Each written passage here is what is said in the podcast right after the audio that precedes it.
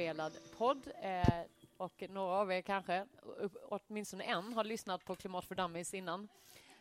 eh, så det är ju kul. Annars brukar ju jag och Mattias sitta på varsin ända av världen och eh, köra Klimat för Dummies. Vi har nog aldrig suttit tillsammans och gjort podd förut. Nej, har vi inte. Så det är lite liksom... Så ser du ut. Ja. det är ändå skönt att veta att det är, det är du. Va? Exakt. Eh, och det gör ingenting om det hörs lite. Om jag, nu när jag formellt inleder så kommer jag också säga att jag har en livepublik så då får ni gärna liksom klappa så det hörs. Eh, så. Men eh, ni får gärna ha liksom avstängda telefoner. Alltså det, och ni behöver liksom inte börja tjattra under tiden. För det är liksom... Men säger Jonas med jättebra, så om man råkar spontant känna att man måste applådera, så ja, gör det. Exakt. Det är mer att man kanske inte behöver ta ett samtal mitt under. Så den blir, ja, hade man kanske inte behövt göra ändå. Tråkigt. Um, så, så är det. Och det um, ni hänger bara med och lyssnar. Uh, vi brukar ju köra, uh, när vi kör våra poddar så är det ganska oredigerat. Vi, uh, det är nästan aldrig så att vi klipper, utan vi kör på. För det ska vara ett samtal och det är ingenting som är liksom så tillrättalagt utan vi försöker köra på. Så vi eh, hoppas att Jonas bara hänger med. Folk brukar alltid fråga oss, går det att klippa? Mm. Och så brukar vi säga det går, men jag tror aldrig vi har gjort det. Nej. Nej. Nej, faktiskt inte. Någon gång när det ljudet blev väldigt knakigt. Till och med när någon kopplades bort en stund, då pratade du och jag på det som kom tillbaka. Liksom. vi har alltid något att prata om, så kan man ändå säga. um, ja, men då så, då kör vi. Hej och välkomna till detta specialavsnitt av Klimat för dummies. Och varför jag säger specialavsnitt är för att vi är live. Vi har en publik med oss, Mattias. Det är fantastiskt. Det får vi höra dem. Och det sjuka är att du och jag är live. Alltså det är vi ju normalt också, tänker jag, att vi ändå är levande. Men jag tänker att vi ser aldrig varandra i liksom det här låter ju helt sjukt. Det är klart vi ser varandra. Ni fattar. Vi ser varandra inte fysiskt. Jag brukar ju sitta i Bangkok där eh, min fru jobbar på ambassaden och jag hängde med. Men nu är jag faktiskt hemma i Sverige hela långa sommaren. Ja. Klimatmöte med regeringen senare i veckan och Almedalen, Almedalen. träffa mamma och sånt där. Mm. Och träffa dig och göra podd på riktigt ja, live. Väldigt, väldigt roligt. Och de här specialavsnitten eh, eh, som vi gör nu är ju faktiskt med anledning att det är sju städer i Sverige som har valts ut av EU-kommissionen i en satsning på klimatneutrala och smarta städer. Och det som är extra roligt är att just denna livepodd eh, utspelar sig här i Malmö, Malmö, min stad tänker jag. Nu kommer Lund bli lite sura för jag är också lite i Lund, men jag är mest i Malmö. Ja, men det är lugnt därför jag är ju gammal Lunda på också. Då tar jag Lund och säger ja. min stad när vi är där. Och sen så ska vi köra Helsingborg också. Helsingborg kan man ju säga, det, men det är väl lite båda städer. Båda Men vi gillar alla städer. Men vi gillar framför allt att det är tre skånska städer som är tre av de här sju städerna i Sverige. Oh, Eller hur? Exakt! Det är tre skånska städer bland de sju svenska och sju svenska bland de hundra. Så även som svensk, om nu icke-skåningar håller på att bli sura på klimatfördömelser, alla svenskar kan vara stolta. Exakt. Och det här är ju lite för att de här städerna lite ska gå före och visa liksom hur, var skåpet ska stå kan man säga när man ska liksom göra den här klimatförflyttningen och eh, omställningen. Och för att då berätta vad just Malmö gör så har vi med oss the expert på just Malmös eh, omvandling. Jonas Kamle, senior strateg och processledare för klimatomställningen i Malmö. Välkommen! Tack. Berätta lite mer. Nu sa jag att vem du är, men okej, okay, vi ska ha en applåd här först. Vem är du ja, vem är Och du har en ganska lång också historia i den här, liksom, de här frågorna. Berätta. Ja, men jag firar 12 år till sommaren i Malmö stad. Så jag har varit med ett tag nu eh, och jobbat faktiskt bara med klimat och energiomställningen hela den tiden i lite olika funktioner. Eh, och eh, redan 2013, 2014 så insåg vi att det här kommer aldrig gå med det tempot vi hade.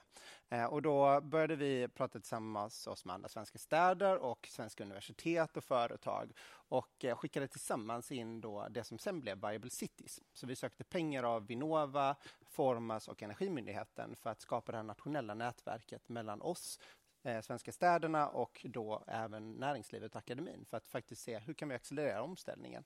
Eh, och på den eh, bågen har det liksom rullat på eh, och nu så har vi satt klimatomställning Malmö på plats. Vi har varit förebilden för hela den europeiska missionen som vi ska prata mer om sen. Eh, och eh, nu vi, har vi gått från att vara fyra svenska städer till nio svenska städer till 23 svenska städer inom Viable Cities. Mm. Och nu är vi faktiskt 40 procent av Sveriges befolkning som är representerade eh, av de borgmästarna då som har åtagit sig att vi ska faktiskt bli klimatneutralt 2030. Så nu börjar vi komma liksom till den här kritiska massan, vilket är ju jättespännande. Och fantastiskt att höra. Jag vill bara fråga liksom, eh, direkt innan vi kommer in lite vad det här betyder och varför just vi är utvalda. Det är spännande att höra i en tid där vi kanske tycker att det går lite långsamt. Vi ser på nationell nivå att vi kanske inte riktigt är överens, vi som jobbar med de här frågorna, att det kanske inte går riktigt lika snabbt och bra som vi hade önskat, om vi milt uttrycker oss. Städer sägs ofta att det är de som faktiskt är de som kommer göra skillnaden, de och kanske näringslivet. Varför är det så? Varför är det just städerna som kommer kunna ta lid i detta? Alltså, det är egentligen en fråga till vår politik. Tänker jag. Men Malmös politiker har ju länge sagt att Malmö ska vara en föregångare i klimatomställningsarbetet. Och eh, vi har ju två miljöprogram bakåt i tiden som säger det väldigt tydligt. Det står tydligt i vår budget, så det är väldigt tydliga riktlinjer och även nu vårt nuvarande miljöprogram så är det väldigt tydligt. Vi ska vara en föregångare i klimatomställningen. Eh, och då handlar det ju både om våra egna utsläpp men också de utsläppen som sker i Malmö och också att vi ska ta det här ansvaret att faktiskt vara med och stötta i omställningen omställningen lokalt, regionalt, nationellt och europeiskt. Eh, så det är väldigt tydligt och jag tror anledningen är nog för att våra politiker är ju närmst alltså verkligheten på något sätt. Alltså våra politiker träffar Malmöborna, de träffar Malmös näringsliv, infrastrukturägarna, de hör utmaningarna men ser också framförallt möjligheterna med den här omställningen. Och att omställningen i Sverige, eller den anledningen till att vi kanske har haft den här fördelen med ett väldigt innovativt näringsliv och så vidare har ju varit att vi hela tiden har vågat att ta de här positionerna. Vågat driva på, våga vara teknikledande och så vidare. Vågat jobba med innovationerna. Och så ser våra politiker, men det är ju det som har skapat det här välståndet vi har haft i Sverige och har i Sverige.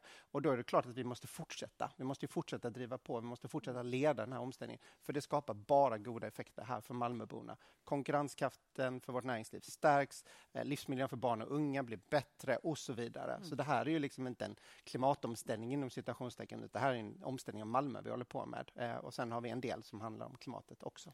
Det märks att du har pratat om det här förut och man blir direkt så bara yes, det är klart man vill vara med av detta. Man vill vara längst fram i omställningen. Det finns mer att skörda där än om man är längst bak i vagnen. Men innan vi går vidare och fördjupar detta så tänker jag att det är bra om vi har liksom fundamenta på plats. När man säger klimatneutral 2030, vad betyder det? För Malmös del så betyder det lite olika saker. Men dels om man pratar om då, de utsläppen som sker i Malmös geografiska område, alltså det som man brukar prata om territoriella utsläpp. Då ska vi ha sänkt dem så mycket som vi kan och i miljöprogrammet så står det att vi ska sänkt dem med 70 procent eh, fram till 2030. Jämfört med? 1990 som är det här referensåret. Och, eh, och referensåret eh, kunde varit vilket referensår som helst, men det var FN som kom överens om att vi har 1990 som referensår och då har vi också det som referensår.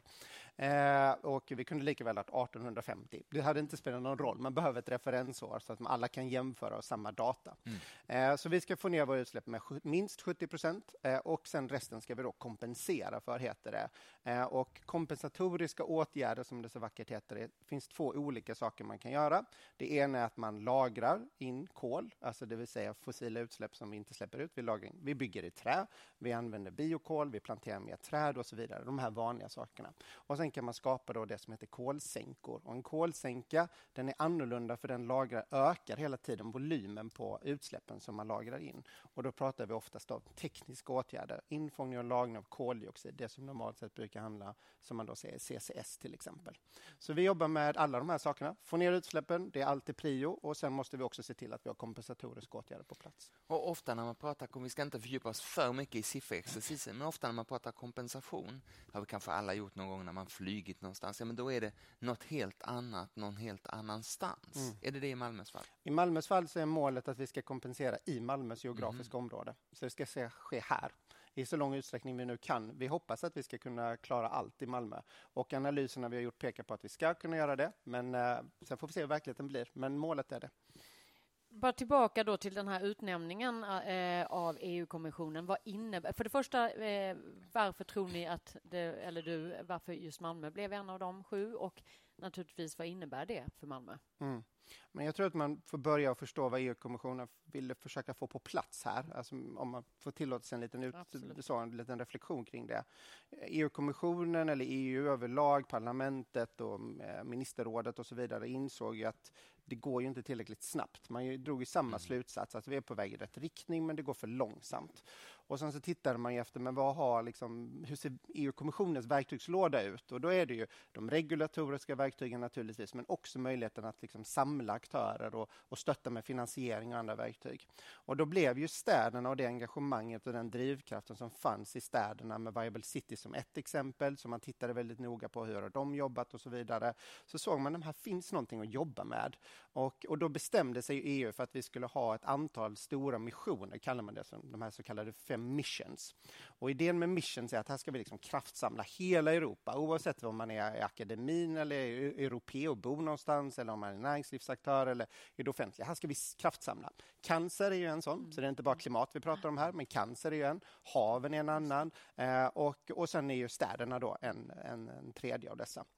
Eh, och, och, målet är ju här att här ska vi göra någonting som aldrig gjorts förut. Och man inspirerades ju av idén med liksom när vi hade missionen om att sätta människor på månen. Mm. Det här liksom kanske ouppnåeliga tidigare då ska nu bli möjligt när vi samverkar och jobbar tillsammans. Så det var lite där man mm. kom ifrån. Och då började man, så sa EU-kommissionen, ja men vi kan inte bara ta de absolut bästa städerna som har kommit längst. Det här ska ju vara en omställning för hela Europa. Så då tittar man på, liksom, vi behöver en spännvidd. Så vi har med städer, skulle jag säga, allt ifrån liksom de som har kommit kanske absolut längst, vilket inte är tillräckligt tillräckligt långt, ska jag säga med en gång. Men vi som har kommit kanske absolut längst i omställningsarbetet till städer som knappt har koll på liksom sin klimatdata. Eh, så, vi har he- ja, så vi har hela det här spannet har vi med. Eh, för det som krävdes för att man skulle kunna vara med i missionen, det var faktiskt att man hade en politisk ambition, att man ville bli klimatneutral. Och det var egentligen det man behövde ha. Mm. Så det var faktiskt liksom urvalskriterierna var helt annorlunda än vad jag tror många tänkte sig. Att EU, nu plockar vi ut de hundra bästa ur kakan mm. och så kör vi med dem och så lyckas vi. Det var faktiskt aldrig målet, utan målet var ju faktiskt en, en omställning för Europa och det är väldigt annorlunda. Men blir nu inte alltför skrytsam här, men den här linjen bland de som liksom allra bäst och de som knappt får vara med, alltså, var ligger Malmö? Vi ligger i toppen i alla fall, så kan jag absolut säga. Vi jublar ju lite, det gör, ja, det gör vi. Ja. Men det är ändå intressant att höra att man har liksom den spektrat. Eh, för att det innebär ju också att det kommer finnas massor med spännande lärande eh, processer här som mm. andra Alltså för att ibland kan man ju också känna att om man inte riktigt kan liksom förlika, liksom identifiera sig med Malmö då, som mm. är bäst, nästan bäst i klassen. Vi säger att vi är bäst i klassen. Eh, och då kanske man bara känner, det är ju som, som i allt annat, att man bara känner, men jag, jag vill inte ens vara med här. Men om man då kan förlika sig med att vi har också samma utmaningar. Det kan ju vara att man är större eller mindre eller har andra typer av demografiska utmaningar eller vad mm. det kan vara. Så är det ju jättebra. Hur kommer den lärandeprocessen spridas liksom, bland alla de här städernas Precis. arbete? Det finns faktiskt, eh, vi har ju dessutom då blivit utvalda, dessutom, så inom de här hundra nu, det blir lite tekniskt, men inom de hundra så sa man man behöver till och med ha städer som går ännu före, som verkligen ska vara liksom spetsen på det här. Så då sökte de efter städer som kunde bli så kallade pilot cities, pilotstäder kan man ju säga då i omställningen. Och då blev Malmö utvald till att vara en sådan. Vi sökte eh, för hela vår klimatomställning, sa det här är våra mål, detta vill vi göra, vi vill ställa om hela Malmö. Eh, och, och då sa EU, men det är precis det här vi behöver eh, i sina utvärderingar. Och, eh, och då finns det ett åtagande. Vi får finansiering av EU eh, och också ett åtagande från vår sida. Då ska vi dela med oss av våra erfarenheter och vår kunskap. Så då bygger de in eh, sådana här lärandemekanismer mellan städerna. Eh, så vi kommer ha, det finns något som heter Twinning Program, så vi får lite tvillingstäder kopplade till oss som får följa oss och så delar vi med oss av våra erfarenheter. Vi tittar på vad de får utmaningar och så utbyter vi liksom erfarenheter. Eh, och det är en väldigt viktig del, precis som du säger, det här att lära sig, att förstå men vad var det bästa som hänt i någon annan stad? Vad kan vi lära oss? Få inspiration. Och sen måste man alltid anpassa, justera efter sina unika förutsättningar. Mm. Men det finns ju otroligt mycket som redan finns och som fungerar väldigt, väldigt bra som man kan lära sig snabbt av. Och de flesta som lyssnar på podden nu är nog varken Malmöbor eller bor i någon av de här twinning cities. Så hur mm. lär alla vi andra oss någonting systematiskt av Malmös arbete nu? Ja, men precis. Så dels så delar vi med oss väldigt mycket. Framförallt så har vi fokuserat på eh, inom Bible Cities. Det är ju 23 svenska städer, så där är ett av våra huvudfokus. Mm. Och inom Bible City så har vi något som heter Transition Lab, eh, där fokus är just på dialog kring utmaningarna och vad kan vi göra åt dem och vad har vi för goda exempel? Och då är det inte bara Malmö som delar med sig, utan då delar alla svenska städer som är med. Så det är ju liksom stora städer och små städer som är med. Och så har vi en dialog och vi lär av varandra och det finns forskare med som berättar vad är liksom best practices och allt det här som vi behöver. Um, så det är ju ett sätt för oss att vara med. Och sen har vi en del andra arenor som vi verkar på då och delar med oss. Vi har ju Eurocities till exempel, som är ett europeiskt nätverk med jättemånga europeiska städer där våra politiker är väldigt aktiva. Ehm, miljönämndens ordförande Sofia Hedén till exempel har ju varit med på flera möten nu och, och pratat där om vad lär vi och vad ser vi för utmaningar och vad behöver vi lära oss där. Och sen har vi ICLAY som vi hade världskongress för förra året blir det ju då, eh, ungefär vid denna tiden. ICLAY som är kommunernas... Ja, precis, fast då globalt istället. Eh, och, och i det nätverket så delar vi också med oss och lär av andra, för det är lika viktigt för oss att lära oss också. Det tror jag är viktigt att säga. Vi jag skulle säga att det mesta har vi inte lärt oss ännu. Mm. Eh, så även om vi har lärt oss väldigt mycket så finns det mesta i olärt ännu så länge för Malmös del också. Så vi har otroligt mycket att lära oss kring hur olika städer har löst olika utmaningar. Och det är otroligt kul. Men Jonas, när du pratar så här snabbt så tänker jag att det beror på att 2030 är sjukt nära. Det är rätt bråttom ja. att bli klimatneutral på sju år. Hur tusan ska det gå till? Ja, alltså det finns ju två olika idéer kan man väl säga. Eh, så. Men eh, det finns den här idén som tänker ja, men vi måste göra massa radikala saker och vi behöver ställa om alla systemen, förbjuda alla bilarna i städerna och så kör vi. Liksom. Och sen finns det en annan skola som tänker så här, aha, men vi, om vi jobbar långsamt och systematiskt och organiserat och strukturerat så åstadkommer vi förflyttning. Och vi har landat i den här senare skolan. Och nu fick Ni ska jag... jobba långsamt? Ja, Hallå där. Så, det, så det låter lite motsägelsefullt, ja. men jag ska förklara. Och det, det som var lite kul var, för jag har alltid gått och spelet så kommer det här verkligen ge den effekten som vi tänker oss? Eh, det var inte av slumpen vi landade där, men det kan vi prata om någon annan gång.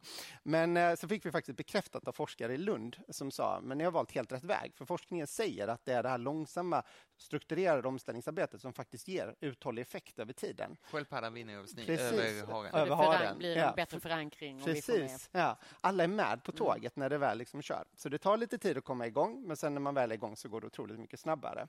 Eh, och vår idé då i Malmö som vi egentligen lärde oss av NASA, vi tittade faktiskt på NASA när de satte människor på månen. Inte för att de satte människor på månen, för det är ganska ointressant i det här fallet. Mm. Men vi ställde oss frågan, hur jobbade NASA med 300 000 underleverantörer mm. innan alla våra moderna system fanns mm. på 70-talet? Alltså hur organiserar man 300 000 underleverantörer, alltså när inte de här systemen mm. finns.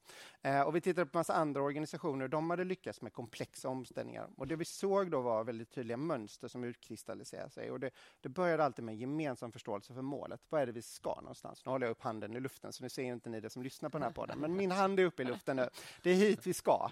Eh, och sen så tittar man och så skapar man sig en gemensam förståelse, inte bara ett klimatperspektiv utan ett samhällsperspektiv. Mm. Vad innebär det? Liksom? Liksom, vad är det vi vill åstadkomma för någonting? Eh, vad innebär det för mitt företag, för min konkurrenskraft, mina affärsmöjligheter, för Malmöbon? Alltså när vi, vad innebär det för mig och så vidare? Försöka skapa den här gemensamma förståelsen. Det är hit vi ska mm. och vad, hur ser det ut? Och sen börjar vi alltid att ringa in, men vad står vi idag? Hur ser det ut? Och sen börjar man titta då på allting vi redan gör. Kommer vi åstadkomma en förflyttning? Det är lätt att tänka sig att vi ska göra allting från scratch, men så är det inte. Det pågår ju enormt mycket mm. omställningsarbete hela tiden och då måste vi försöka förstå, men vilken förflyttning kommer det åstadkomma? Och sen så tittar vi då slutligen på vad kan vi göra mer? Mm. Och när man samlar då alla de här aktörerna för att ha de här dialogerna som vi nu har, löpande dialoger, så samlar vi det färdplaner och i de här färdplanerna då så kommer vi överens om det här. Vi kommer överens om målet, vad vi är, vad ska vi prioritera, vilka effekter kommer det ge och så vidare. Och då har vi helt plötsligt liksom fått ihop limmet som vi behöver för att kunna jobba tillsammans väldigt mycket snabbare än vad vi kunde tidigare. Och jag ska ge ett väldigt konkret exempel då, så att det liksom landar in här i hur fort det här kan gå. Så 2021 så eh, hade vi pratat med vår politik och sagt att så här ser utsläppen ut i Malmö. Sysav då, som är vårt lokala återvinningsbolag och energiåtervinningsanläggning, eh, står vi för 25 procent av våra territoriella utsläpp, så de står för jättestor andel av våra utsläpp så sa våra politiker, men vi behöver prata med Sysav och se, kan vi stötta dem på något sätt i det här omställningsarbetet? Så jag blev faktiskt utlånad till Sysav. Det är inte så många som vet om det, men jag lånades ut till Sysav för att se vad kan vi göra tillsammans. Och Sysav, för den som inte hänger med, det är avfallsbolaget, gammaldags ja, uttryck. Precis, och energiåtervinning får man Just väl framförallt säga liksom, är också en väldigt viktig del. Eh, så jag lånades ut och då gjorde vi den här läxan som vi sa. Målet, var kan vi komma någonstans? Var är vi någonstans? Vilka åtgärder behöver vi prioritera och vad kan vi då landa i? Och det slutade med att Sysav gick från att inte ha någon klimatambition till att säga att 2030 ska vi vara klimatpositiva. Eh, och det gick på ett och ett halvt år. Så gick det från att vi hade då de jobbade på superbra. Personalen på Sysav är helt fantastiska, otroligt drivna, motiverade och kunniga och duktiga. Eh, och då kunde de genom den här strukturen säga att ja, vi kan komma, vi kan vara jätteviktiga för Malmös omställning. Och de är faktiskt så viktiga att om inte vi gör någonting annat i Malmö så kan de få ner de territoriella utsläppen med 25 procent ungefär. Och sen kan de kapa en kolsänka motsvarande 60 procent av alla de utsläppen som är kvar. Så en enskild aktör kan vara så otroligt viktig och det här sättet att jobba tillsammans är ju väldigt framgångsrikt. Men nu känner jag att man kan nästan luta sig tillbaka lite grann och låta avfalls och energibolaget lösa De får sköta det. Vi kan bara leva vidare. Ja. Precis. Ja, riktigt så enkelt är det tyvärr inte. Det, man önskar att det hade varit mm. så enkelt. Men det är ju, de har en jätteviktig roll. Eh, sen har vi massa andra omställningar som är lika viktiga. Eh, transportsystemet, eller hur vi rör på oss i staden, är ju den största och svåraste mm. utmaningen mm. som vi har att hantera nu. Eh, där är det otroligt mycket fler aktörer. Alla Malmöbor, alla näringslivsidkare ska med på tåget. Och dessutom då för att göra det ännu mer komplext, vi pratade lite om det att de här olika lagren behöver hänga mm. ihop, liksom det lokala med det regionala, med det nationella, med det europeiska. Tittar man då på Malmös utsläpp så är 17 procent av utsläppen är bara trafik som bara passerar förbi mm. Malmö. Jag tittar precis ut ja. genom fönstret. Det bara rullar vi... liksom mot, på motorvägen, rullar det bara trafik fram och tillbaka som vi egentligen har i stort sett ingen rådighet över. Alltså vi kan nästan göra ingenting med det. Det finns vissa saker vi kan göra. Vi kan se till att det finns möjlighet att tanka vätgas. Mm. Eh, vi kan se till att det finns biogastankstationer. Vi kan jobba för laddinfrastruktur för tunga fordon och för lätta fordon och så vidare. Men sen är det, det, är en, det är en nationell väg och vi har ingen rådighet, men andra aktörer har rådighet. Just det. Och där kommer ju in eh, mycket av det vi pratade innan podden med beteendeförändring mm. och att det här eh, hela det här arbetet bygger ju också på att, att varenda person som finns i Malmö, oavsett om vi är privatpersoner eller i egenskap av företagsidkare eller, eh, eller offentlig sektor, eh, tjänstepersoner, måste ju förstå att detta är något vi måste vara med om allihopa. Mm. Och precis som du säger med, med trafiken, nu sitter jag som sagt, ni som lyssnar här ser ju inte att vi har en väg här precis utanför som jag tittar på och där på klockan eh, åtta på morgonen så är här ju knökat med trafik. Och vi vet också, eh, jag satt tidigare med en förening som jobbade just med Västra hamnen som vi tittat lite in på, att man eh, som företag, eller som eh, fastighetsägare så vill man ju helst inte täppa till de där gatorna för man måste ju ha bilar som kommer dit. Mm. Och det lite, blir lite contradiction in terms för mm. att vi måste ju få ner liksom, antalet bilar och man vill jobba med det mm. men man vill inte påverka Eh, tillgänglighet eller mm. ens kunders möjlighet att komma. Mm. Hur får vi med alla människor? Nu var det här bara ett exempel. Hur får vi med liksom högt och lågt? Jag tycker, det, jag tycker du fångar det perfekt, alltså just den här komplexiteten, när det är transportsystemet, alltså när vi rör på oss eller vad behov av att röra på oss. Och det är väl just det här behovet vi behöver prata om. Vad har vi för behov? Och då kan man också börja prata om det som, det är lätt att det blir liksom antingen eller. Mm. Ja, men nu kommer inte jag fram med min bil eller det blir jobbigt med bilen och så vidare. Och jag tror vi behöver prata om vilka värden är det vi vill skapa. Malmö vill ju vara en attraktiv stad, alltså det vill säga vi, det ska vara trevligt att röra på sig, gå i staden och, och vara i staden. Då är det en, en dimension. Den ska vara tillgänglig vi kan komma runt och så vidare. Ytterligare en dimension. Eh, vi vill använda den ytan vi har. Malmö är ganska litet geografiskt, alltså det är inte ett jättestort mm. geografiskt område. Så vi vill också prata om vad använder vi ytan till? Vill vi använda den till parkeringar och bilar och, eller vill vi ha mer mikroparker och, och fördröjning av dagvatten när det är skyfall som vi har problem med också. Så vi har massa olika saker, system och funktioner vi vill få in på en ganska liten yta. Och då måste man börja prata om hur får vi alla de här plats och vad ska prioriteras på olika platser. Och det här är jättesvårt för att alla människor som bor i Malmö, och jag kan prata om mig själv då, nu bor inte jag i Malmö så det är väl kanske tacksamt då. Mm. Men jag är ju småbarnsförälder, tre småbarn eh, och vi försöker nu liksom desperat att få ihop livet med en bil och en lådcykel. Mm. Eh, just för att få då liksom den här, att inte ha två bilar som väldigt lätt blir. Så jag pendlar ju med tåg och när jag inte kan ta tåget så kör jag med elbil till Malmö. Och annars så eh, kör vi lådcykel till förskolan. Och det går att få ihop, mm. men det kräver ju otroligt mycket trixande runt omkring. Och här är ju jättemycket frågor. Vi behöver prata om planeringen, alltså var ligger våra förskolor i förhållande till var vi bor och våra arbetsplatser, så att det blir smidigt och enkelt också. Och det vi kan se då i de analyserna vi har gjort är att nyttorna överstiger kostnaderna. Eh, för att prata lite tekniskt, mm. så ser vi ändå att hälsonyttorna av att gå, cykla eller åka kollektivtrafik, framförallt gå och cykla, är väldigt positiva. Alltså man får någonting ut av det själv. Om man har möjligheten att ställa bilen så är det väldigt positivt för en ur ett hälsoperspektiv. Men också ur ett ekonomiskt perspektiv så är det faktiskt väldigt positivt. Kan man till exempel nu när många står inför bytet, man ska köpa nya bilar kanske eller byta bilar och så här.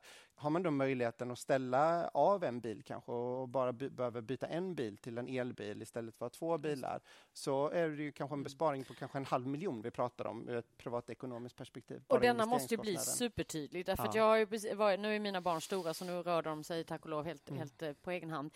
Men när de var små så var jag ju så här också, nej men det går inte, jag kan inte ändra till att cykla, alltså det, mm. jag får inte ihop mitt liv.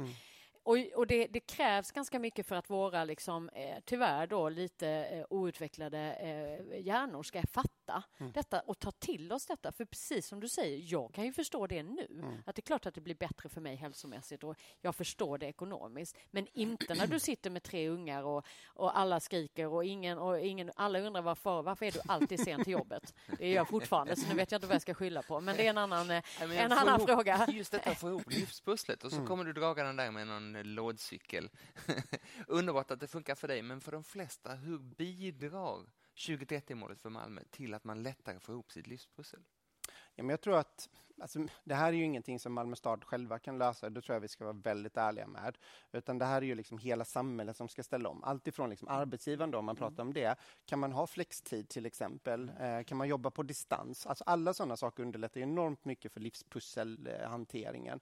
Eh, och, och oftast kan det vara bra både för arbetsgivaren och för den som, som jobbar. Så det är en sån sak man, som vi kommer behöva prata mycket mer om, tror jag. I pandemin så jobbade alla hemma som kunde, mm. eh, mer eller mindre i alla fall. Och, och nu är vi på väg tillbaka kanske till någon hybridvariant och det kommer ha sin del av det hela. Men det är så att det finns inga enkla svar här. Eh, det finns inte ett enda enkelt svar när det gäller omställningen av hur vi rör på oss och behovet av att röra på oss i staden. Utan här kommer vi behöva testa olika saker. Vi kanske behöver en typ av lösning på sommaren. Vi har ju sommargator i Malmö till exempel. Jättetrevligt, grönt och härligt. Ja, så vi bara, där får man bara cykla och gå eh, mer eller mindre. Och, och de har sedan en annan eh, användning på vintern. Då får man köra bil där. Så jag tror vi kommer behöva hitta massa sådana hybridlösningar. Och det gör man tillsammans Precis. med olika aktörer ja, i staden? De som bor i gatan, alltså mm. det är det området, kvarteret, näringslivsidkarna måste vara med i konversationen. Så man kan inte prata om den så enkelt, utan den kommer vi behöva jobba med på jättemånga olika sätt samtidigt. Mm. Eh, och vi har en del verktyg i vår verktygslåda. Eh, vi kan ju reglera, vi kan skapa in, ja, olika initiativ för olika saker och så vidare. Men där kommer man in på reduktionsplikten, om vi pratar liksom mm. de, de nationella styrmedlen eller EU-lagstiftningen vad kommer det innebära? Vilken typ av fordon får man köra var och vilka fordon får ens säljas och så vidare. Mm. Så här är ju det här, det här är det svåraste. Och sen har vi en jättestor inpendling dessutom in till Malmö. Så vi, har folk, vi är ju den regionala tillväxtmotorn eh, för hela Skåne eh, och eh, här genereras jobben. Eh, vi drar ju hela Skåne eh, som ett ånglok. Eh, men väldigt många bor ju runt omkring Malmö och pendlar in till Malmö och ut från Malmö varje dag. Mm. Och hur ser vi till att de då kan, kan göra det på ett klimatsmart på ett sätt ja, och ett smart sätt för familjen? Och vi har i en helt, ett helt annat avsnitt för Klimat för Dummies pratat om till exempel reduktionsplikten. Mm. Det ska vi inte göra nu. Nej. Men du lyfter ändå något väldigt viktigt här, att mycket av det som avgör om 2030-målet uppfylls eller inte mm. är i händerna på någon annan. Mm. EU-politik, nationell politik. Och då känns det som att du sju år innan målet redan nu börjar hitta en ursäkt för varför det kanske inte går. Alltså hur mycket är du i händerna på nationell politik och hur mycket kan mm. du göra mer om de gör mindre? Alltså, vi kan göra väldigt mycket i en stad tillsammans. Alltså Malmöborna, näringslivet och, och Malmö stad kan göra otroligt mycket tillsammans. Eh, sen är det så, att, precis som du säger, att förutsättningarna skapas på andra nivåer också. Men det är inte en ursäkt, utan det är bara ett faktum att det är så.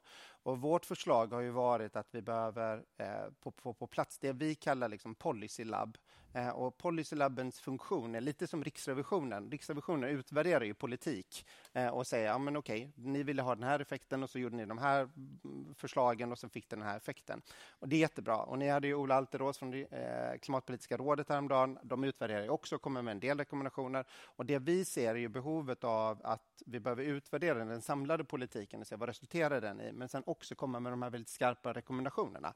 Om ni vill nå de här målen så är det detta som är priolistan utifrån lite olika bevekelsegrund eller vad man vill få ut av det. Alltså stadens rekommendation till rikspolitiken? Ja, men framförallt så är det här en funktion vi vill bygga tillsammans med staten och EU. Mm. Så vi vill ju få liksom pusslet att hänga ihop här, alltså mellan det europeiska, det nationella och det lokala eh, och säga, men EU har ju sagt de vill ha 100 klimatneutrala städer till 2030. Vi är med i det här arbetet. Nu måste de titta på alla deras lagstiftning. Vad kommer det skapa för förutsättningar för städerna och vad kan de göra mer? Så att det också blir av, att Precis. det inte bara blir en pappersprodukt. Precis. Och det är härligt att skriva att vi har massa städer som ska gå före, men egentligen är det bara massa pappers och äh, notiser i en, en tidning. Ja. Men bara ändå, jag vill ändå, för att det där är ju delar i det här som du sa, där det ändå är så att ni kan påverka ganska mycket själva också. Mm. Eh, jag tänker liksom, nu var du inne på, vi pratar SYSA, vi pratar transport, men vi har ju andra områden som också kan kanske styras mycket med upphandling. Hur jobbar vi? Och det, och det, det är egentligen min fråga hänger ju också ihop med hur man ser helheten, hur ja. man kan påverka på, på olika sätt och från olika förvaltningar. Jag tänker mm. byggsektorn som nu mm. måste ställa om och bli mer cirkulär och att mm. vi ser också att investeringar är i det cirkulära eh, men att man har fortfarande lite olika eh, beroende på, det kan ju vara upphandling och annat. Men mm. är liksom, vilka verktyg använder man här? Mm. Men, men våra politiker har ju sagt att vi ska vara ledare, föregångare och då har de också satt ett mål för vår egen organisation. och målet är att vi ska vara netto noll till 2030. Eh, så vi har också ett väldigt skarpt mål och då är det inte ett mål utifrån de territoriella utsläppen utan då är det ett mål utifrån det som kallas för konsumtionsmönstret, alltså det vill säga allting vi handlar upp eller köper eh, ska vara klimatneutralt till 2030. Så vår organisation ska vara netto noll till 2030. Och bara så vi påminner oss Klimat för Dummies, eh, Malmö organisation, då är det alla skolor, all rubbet helt enkelt ja, som en kommun gör. Precis, och det är många som kanske inte tänker på hur många som jobbar i en större kommun. Vi är 26 000 anställda i Malmö stads organisation, så vi är som ett jättebolag, alltså verkligen. Eh, och, och har en stor omsättning, mycket resurser och egentligen så är ju vårt huvudfokus på att leverera helt andra tjänster till Malmöborna än en klimatomställning. Det är skola, det är vård, det är omsorg, det är där vi syns. Vi ska se till att vägarna fungerar, parkerna är fina och så vidare. och så vidare. Vi planerar staden långsiktigt och, och alla de här verktygen som vi normalt sett brukar prata om. Eh, då, men då har våra politiker sagt att staden själv ska gå före och då kommer den här frågan just kopplat till upphandling in. Eh, och vi håller på att ta fram en upphandlingsplan nu där vi kartlägger alla upphandlingar som ska ske fram till 2030 och så säger vi vilka mål eller vilka krav behöver vi ställa i varje sån enskild upphandling hela vägen fram till 2030. Och när vi då pratar med näringslivet nu, för nu är de ju väldigt sugna på, de vill vara med. Vi har tagit fram klimatkontraktet mm. i Malmö, som vi kanske kan prata lite om. Yes. Eh, och, och då säger vi så här, ja men nu i nästa avtal, när vi ska upphandla till exempel konsulttjänster, då måste vi kanske börja ställa krav på er att 2030 ska ni också vara klimatneutrala eller vara netto noll då. För det känns ju självklart att man måste Såklart. ställa de kraven. Liksom. Och då inser de, aha, det här kommer påverka vår affärsmodell, vår affärsidé. Om vi inte är det så kan vi inte vara en del, vi kan inte bli upphandlade av Malmö stad. Mm. Så det är också ett sätt för oss att, apropå det, att, att ta ansvar. Vi har jättemånga verktyg för att ta ansvar och visa vägen och ledarskapet, men vi kan aldrig lösa hela klimatomställningen själva i Malmö. Och då kan det ju handla om allt från eh, när man eh, liksom ska bygga nytt eller maten som serveras oavsett om det är på konferenser eller i skolan. Det är, mm. är hur man kör till hemtjänst, alltså mm. allt, allt, allt. Kläderna Precis. till hemtjänst, kan yep. vi bygga det på det som kommer från Siptex som är en del ja. av Sysavs återvinnings textilåtervinning. eh, men berätta om klimatkontrakten, för det här eh, har vi varit inne på lite innan. Men berätta, vad är det och hur kan det hjälpa till att nå våra mål? Jo, så ledarskapet då är ju, som vi har varit inne på många gånger, kan ge sig lite olika uttryck, om man får säga så. Och, och det kan synas på olika sätt. Netto noll är ett sätt att visa ledarskap, ett annat sätt är att vi delar med oss och, och våra politiker ute och pratar om vårt arbete och vad vi behöver. Eh, och ett annat är ju också att mobilisera alla lokala aktörer. Och då är det lite olika saker man behöver mobilisera. Vi behöver hjälpa till att mobilisera och engagera Malmöborna och hjälpa dem i deras omställning. Vi behöver göra samma för näringslivet och sen behöver vi koppla på akademin och civil civilsamhället, för de har ju otroliga drivkrafter och motorer redan där som snör på. Och då lanserade vi 2021 så lanserade vi Klimatkontrakt Malmö, eh, lite för att känna efter men hur är pulsen hos näringslivet, ville våra politiker eh, veta. Så då bjöd vi in ett antal centrala aktörer och då har vi dels de här klassiska stora utsläpparna men också MKB där väldigt många Malmöbor bor hos. Eller Stena Malmö kommunala bostäder. Ja, precis, Malmö kommunala bostäder. Eller eh, eller vi tittade ju på, på startup-communityn, så vi bjöd in NJ som är ett litet startup-företag som är framgångsrika i sitt område. Eh, Altitude Meetings är ju med, bland annat ju, Jasmine, eh, och har skrivit på ju. Eh, och eh, MFF, som man tänker på först kanske som fotbollsklubb. Eh, och, eh, men de jobbar ju väldigt mycket med klimatomställningen, både utifrån perspektivet att de är närmst Malmöborna väldigt ofta, så när de har evenemang så ska de vara klimatsmarta, men också som en väldigt stor fastighetsägare. De äger faktiskt väldigt mycket fastigheter i Malmö, vilket man kanske inte tänker på. Så vi samlade massa olika aktörer och så sa vi, vi vill testa ett lokalt klimatkontrakt. Hur, hur tänker ni kring detta? Vill ni? Och de sa ja. Och det som var väldigt intressant var, vi samlade alla de här höga vdarna liksom från Skanska och E.ON och Altitude Meetings. Oh, så... man slängs in det är bra. Höga vd. Förminska inte dig själv Jasmin, därför att du är ju utnämnd doktor bara här veckan. Doktor ja. Jag tillhör det gänget. Precis. Ja, och, och, då var det ju ändå så, Jasmin, i det mötet, att de sa det här är jätteviktigt för oss. Och, vi, och framförallt för att vi behöver ytor där vi kan prata mellan varandra. Mm. Vi behöver komma ur vår silo och prata med andra silos mm. som håller på och med sina frågor. Och bli inspirerade. Och det blir ju lite nudging också, för ja. att om någon annan går före så inser man ju ganska snabbt att vad, vad i hela friden, jag vill också vara med i det här tåget. Så det är ja. väl lite den. Och just den vill jag in på, för jag, ja, du sitter här Jasmin som Malmöbo och jag sitter här som Lundapåg. Så grannkommunen är också en av de här mm. sju mm. i Sverige, en av de hundra. Hur i Sverige, hur mycket, hur mycket är det någon slags friendly competition om vem som ska vara vem som ska få bli piloten och vem som inspirerar andra. Och hur mycket liksom tävlar man med varandra? Ja, men jag tycker det går bra för förorten Lund. Uh... det blir så dålig stämning när vi kör Lunda-programmet. Det klipper vi bort, tror jag. Nej, men skämt åsido så är ju eh, Lund och Helsingborg... Jag växte faktiskt upp stora delar av mitt liv i, i, i Helsingborg eh, och pluggade i Lund. Eh, ja, så jag är ju verkligen en, en produkt av, av städerna här som är med allihopa. Eh, så vi har ju tre svenska missionsstäder här i Skåne som ni sa och, och vi har ett samarbete. Vi har något som heter Öppen akademi tillsammans med Lunds universitet och Malmö universitet och så vidare, där vi faktiskt samlar och pratar om bland annat just transportomställningen, alltså mobilitetsomställningen. Hur ska vi lösa den och vad säger forskarna är de bästa lösningarna som vi har? Vad har vi för alternativ och hur ska vi prata om det och hur får vi ihop det här? Och vad säger forskarna?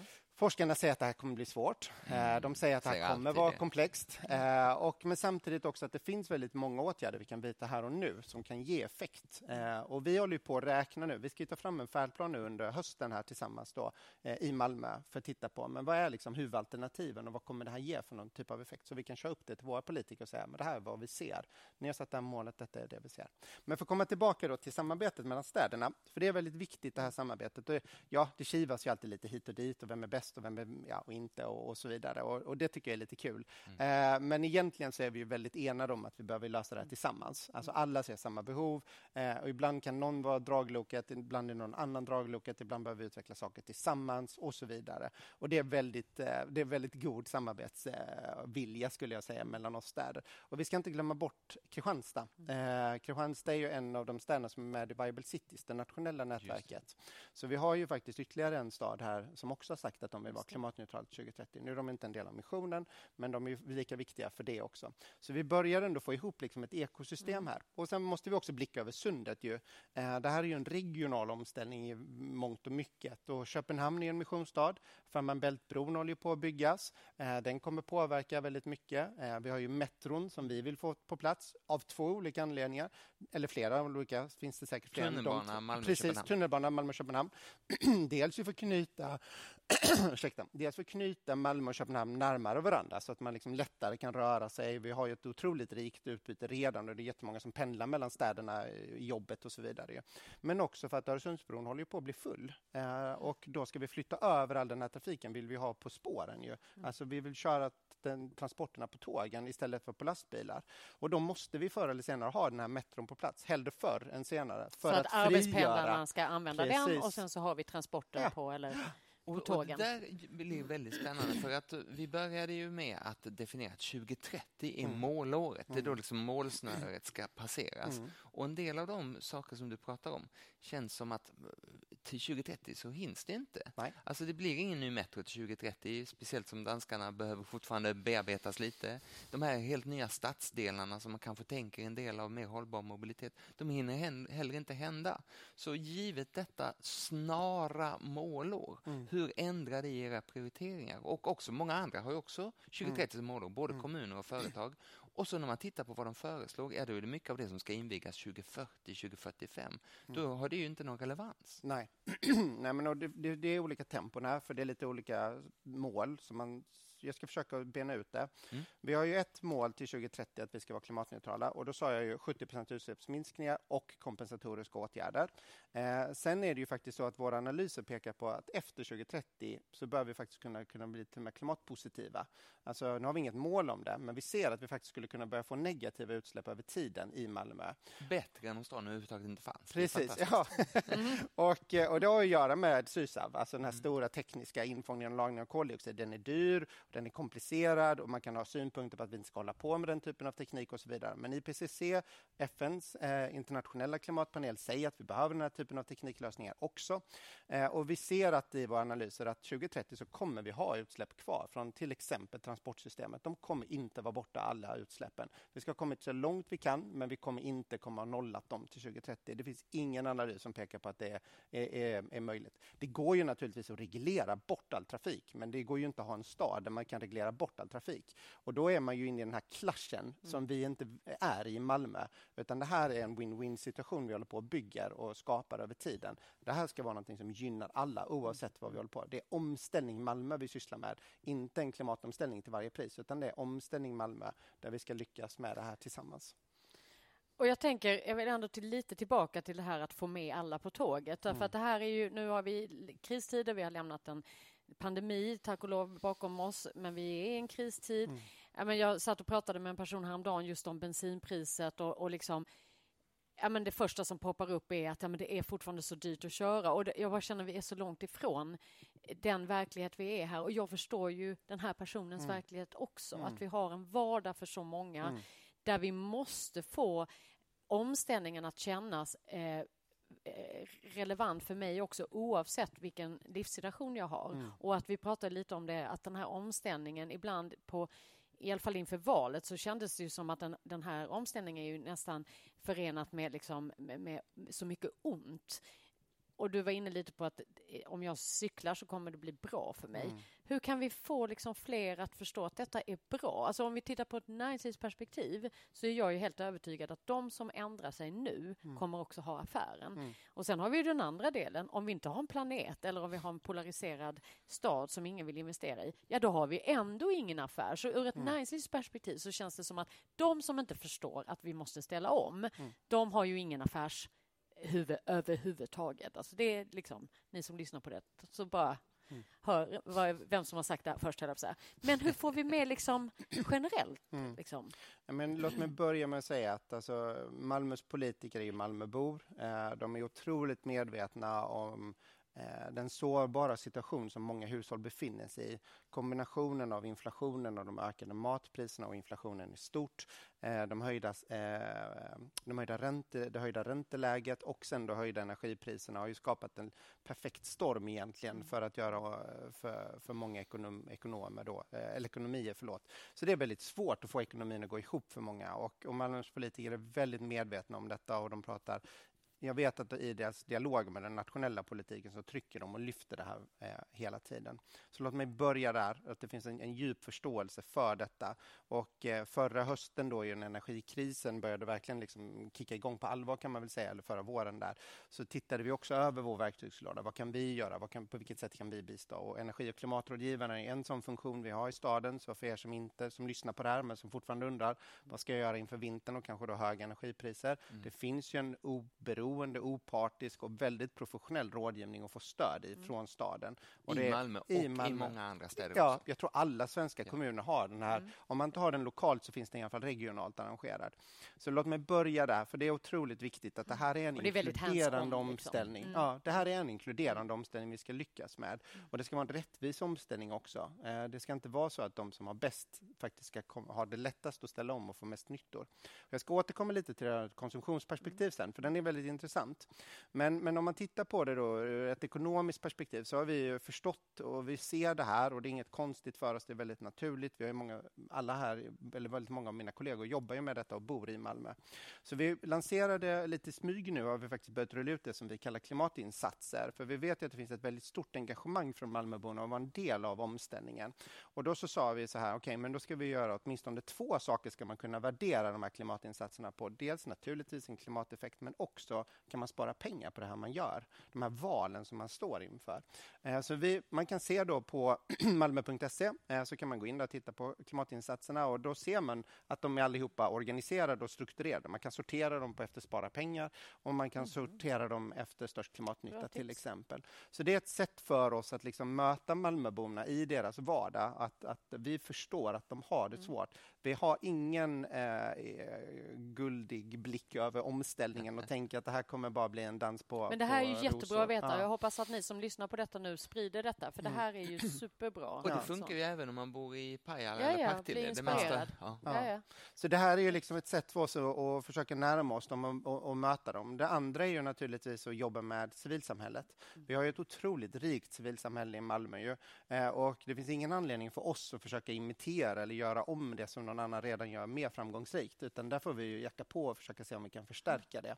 Och sen jobbar vi också med, vi har ju, vet ju att det finns ett otroligt sug för kunskap och förståelse. Så i, eh, vi har lanserat något som heter Klimatprat eh, som eh, sänds på webben. Eh, där kan man lyssna in eh, och få höra experter prata om olika frågor, allt ifrån vattenförsörjning och hur det ser ut till hur ser det ut med elsystemen och energisystemen och vad är energikrisen i Europa, så vad handlar den egentligen om och så vidare. Så vi håller också på att jobba med de här kunskaps kunskapsdelarna och en kollega här som sitter i rummet, eh, Monica Månsson, hon håller på att ta fram en klimatkunskap så, som också är en väldigt viktig del, alltså samla oss kring en gemensam förståelse. Så vi har olika verktyg som vi hela tiden jobbar med och, och det tror jag är väldigt viktigt, det här inkluderande perspektivet. Mm. Eh, långt ifrån färdiga, men vi har startat eh, resan. Ja, men det är bra, det är liksom hands-on. Ja. Och sen så ville du prata om konsumtionsmönstren. Jo, men konsumtionsmönstren är alltid väldigt intressanta.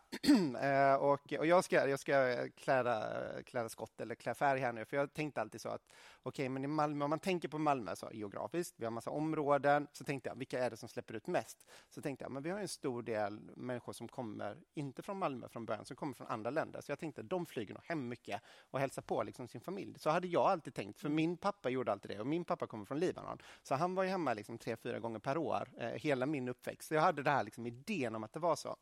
Och sen jobbade vi tillsammans med Stockholm Environment Institute och redde ut hur ser det faktiskt ut med konsumtionsmönstren i Malmö. Och eh, för er som har sett när vi drar de här presentationerna så blir det alltid lite chock så i allas ögon när vi ser de här bilderna hur det faktiskt ser ut. Och då ser vi att det finns vissa områden som har det här mönstret som jag hade i mitt huvud, men det är inte de områdena som jag tänkte att det skulle vara.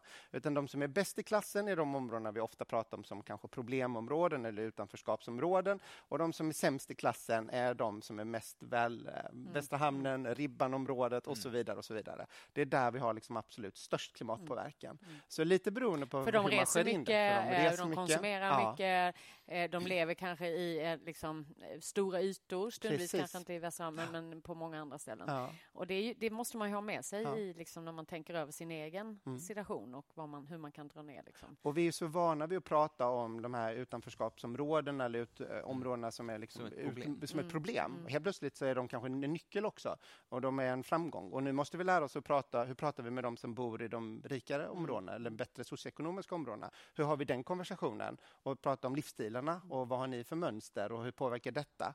Och sen samtidigt så ska vi då lyfta de här svagare socioekonomiska områdena vi ska få upp dem nu och, och skapa bättre. Det är jättetydligt Utan från vår politik. Precis, hur gör vi det? Precis, alltså, för det är ju inget val kanske man har aktivt gjort utan det nej. handlar ju snarare om att man har en situation av, av pengar, Precis. Alltså mindre pengar och så vidare. Men, men det finns ju någonting och det här är ju också, jag vill bara liksom, om man tittar på historiskt hur vi har betett oss, hur vi återbrukade saker, hur vi eh, liksom tog vara på saker på ett helt annat sätt. Vi, vi har ju liksom en, en tidsera här som, där vi har liksom bara eh, invaggats i att det är helt okej att äta ohämmat mycket kött eh, eller konsumera hur mycket som helst och att det är det självklara. Mm det är ju bara en parentes och att mm. vi kanske någonstans skulle kunna gå tillbaka att det är ingen uppoffring för det är så vi alltid har jobbat och ta vara på. Mm. Det är ju hela tiden, det är ju allt vad ekonomi handlar om, ta vara på resurserna. Och jag är spänd på detta för jag tänker att ju rikare man är desto större ansvar har man, någon slags historiskt, mm. du pratade om rättvisa mm. innan. Och, det, och desto större chans har man att vara tidig att köpa de kanske lite dyrare elbilarna, solcellerna, byta till tågresan även om det kostar lite mer. Mm. Men, men hur pratar man med rika människor då? Jag vet inte. jag vet inte. Det är mitt ärliga svar. Alltså, det är lätt för mig att prata med alltså, kompisar och vänner och sånt mm. där. Alltså, så.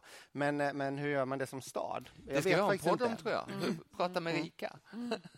Mm. Så det, och det är väl något vi, vi får lära oss. Vi, vi, var inne lite inne på att eh, stundvis, och det här är någonting som jag har börjat reagera på, att vi pratar hela tiden om omställningen är för våra barn och barnbarns skull. Att eh, mm. det är på något sätt, och det, med det, mm. per automatik, så låter vi oss också själva säga vi kan göra det sen. Mm. Eh, oh, det är hemskt om våra barn ska uppleva detta eller barnbarn.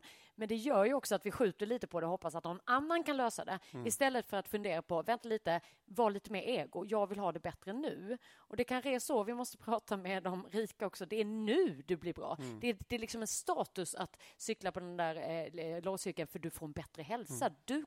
alltså jag tror vi måste börja prata om hur det här blir bra för mig nu. Precis som jag säger med företag.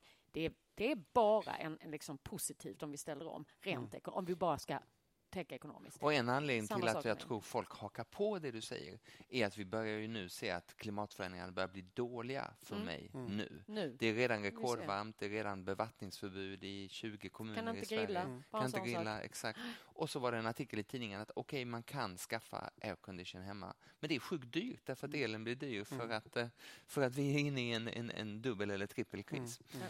Jag tror att vi börjar närma oss yes. slutet på den här podden. Det var så roligt, man vill bara ja, fortsätta. Exakt. Ja, men det gör vi. Men vi vill ha med oss några tips längs vägen. Mm, det vill vi.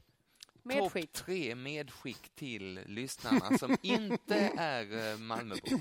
Okej. Okay. Eh, då ska jag säga kanske en liten klyscha, men ändå väldigt viktigt. Eh, ingen kan göra allt, men alla kan göra något. Mm tror det är otroligt viktigt. Alltså ska göra något. Ja, eh, jag vill inte vara så, så förpliktigande, men, eh, men det får ni hålla på. Men, eh, men jag tror att det är väldigt viktigt att, att, se att man kan vara en del av lösningen. Och jag tror att det finns ett enormt intresse och driv för att vara en del av lösningen. Och ni kan, alla som lyssnar på podden kan vara en del av lösningen. Och man ska inte underskatta de små bidragen till den stora omställningen. Och genom era val ni gör som konsumenter så skapar ni också ett tryck mot företagen. Alltså ni påverkar ju deras liksom bottom line, alltså hur mycket mycket pengar de tjänar. Så ni har en större makt än vad ni tror.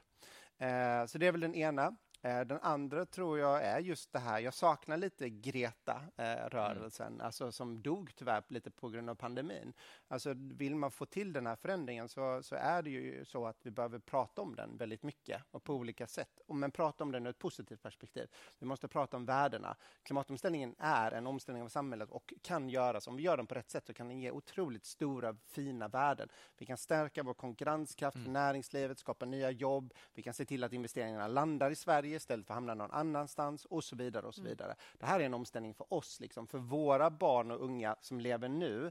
Och eh, sist så skulle jag nog faktiskt säga, lite apropå det här med tiden, det här med att ha mål 2040, det är helt meningslöst eh, i mitt tycke. Alltså det, är, här, det är för långt bort och, och det blir, man kan alltid ha någon tro om att teknik eller något annat längre bort som alla har pratat mm. om hur länge som helst ska lösa det. Vi behöver förstå att det är vi som jobbar här och nu som ska lösa den här mm. omställningen.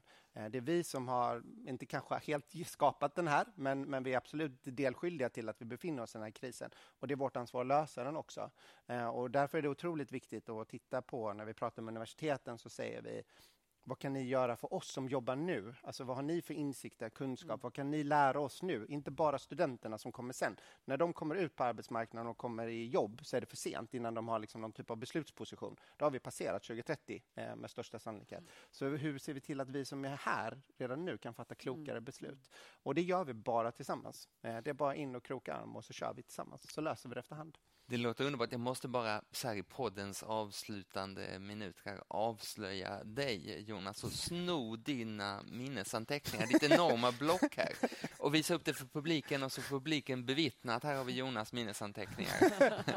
Det är två test av pennan och i övrigt helt blankt. Allt det här kan du på dina fem, dina tio fingrar och, och jag tycker det känns så oerhört gött i den här klimatomställningen att träffa ledande tjänstemän och för den delen politiker som verkligen bottnar i frågorna och att kunna sitta och prata med oss på det här sättet med bara två penntest framför sig. Det imponerar på mig i alla fall. Tack.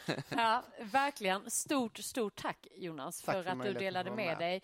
Och eh, ni som lyssnar, jag hoppas verkligen att ni tar eh, ett till er detta och blir inspirerade för att det är nu eh, och alla kan göra något. Eh, det är liksom det är så, och tillsammans. Mm. Stort tack och stort tack för eh, att vi hade en publik. Så gärna en liten applåd här.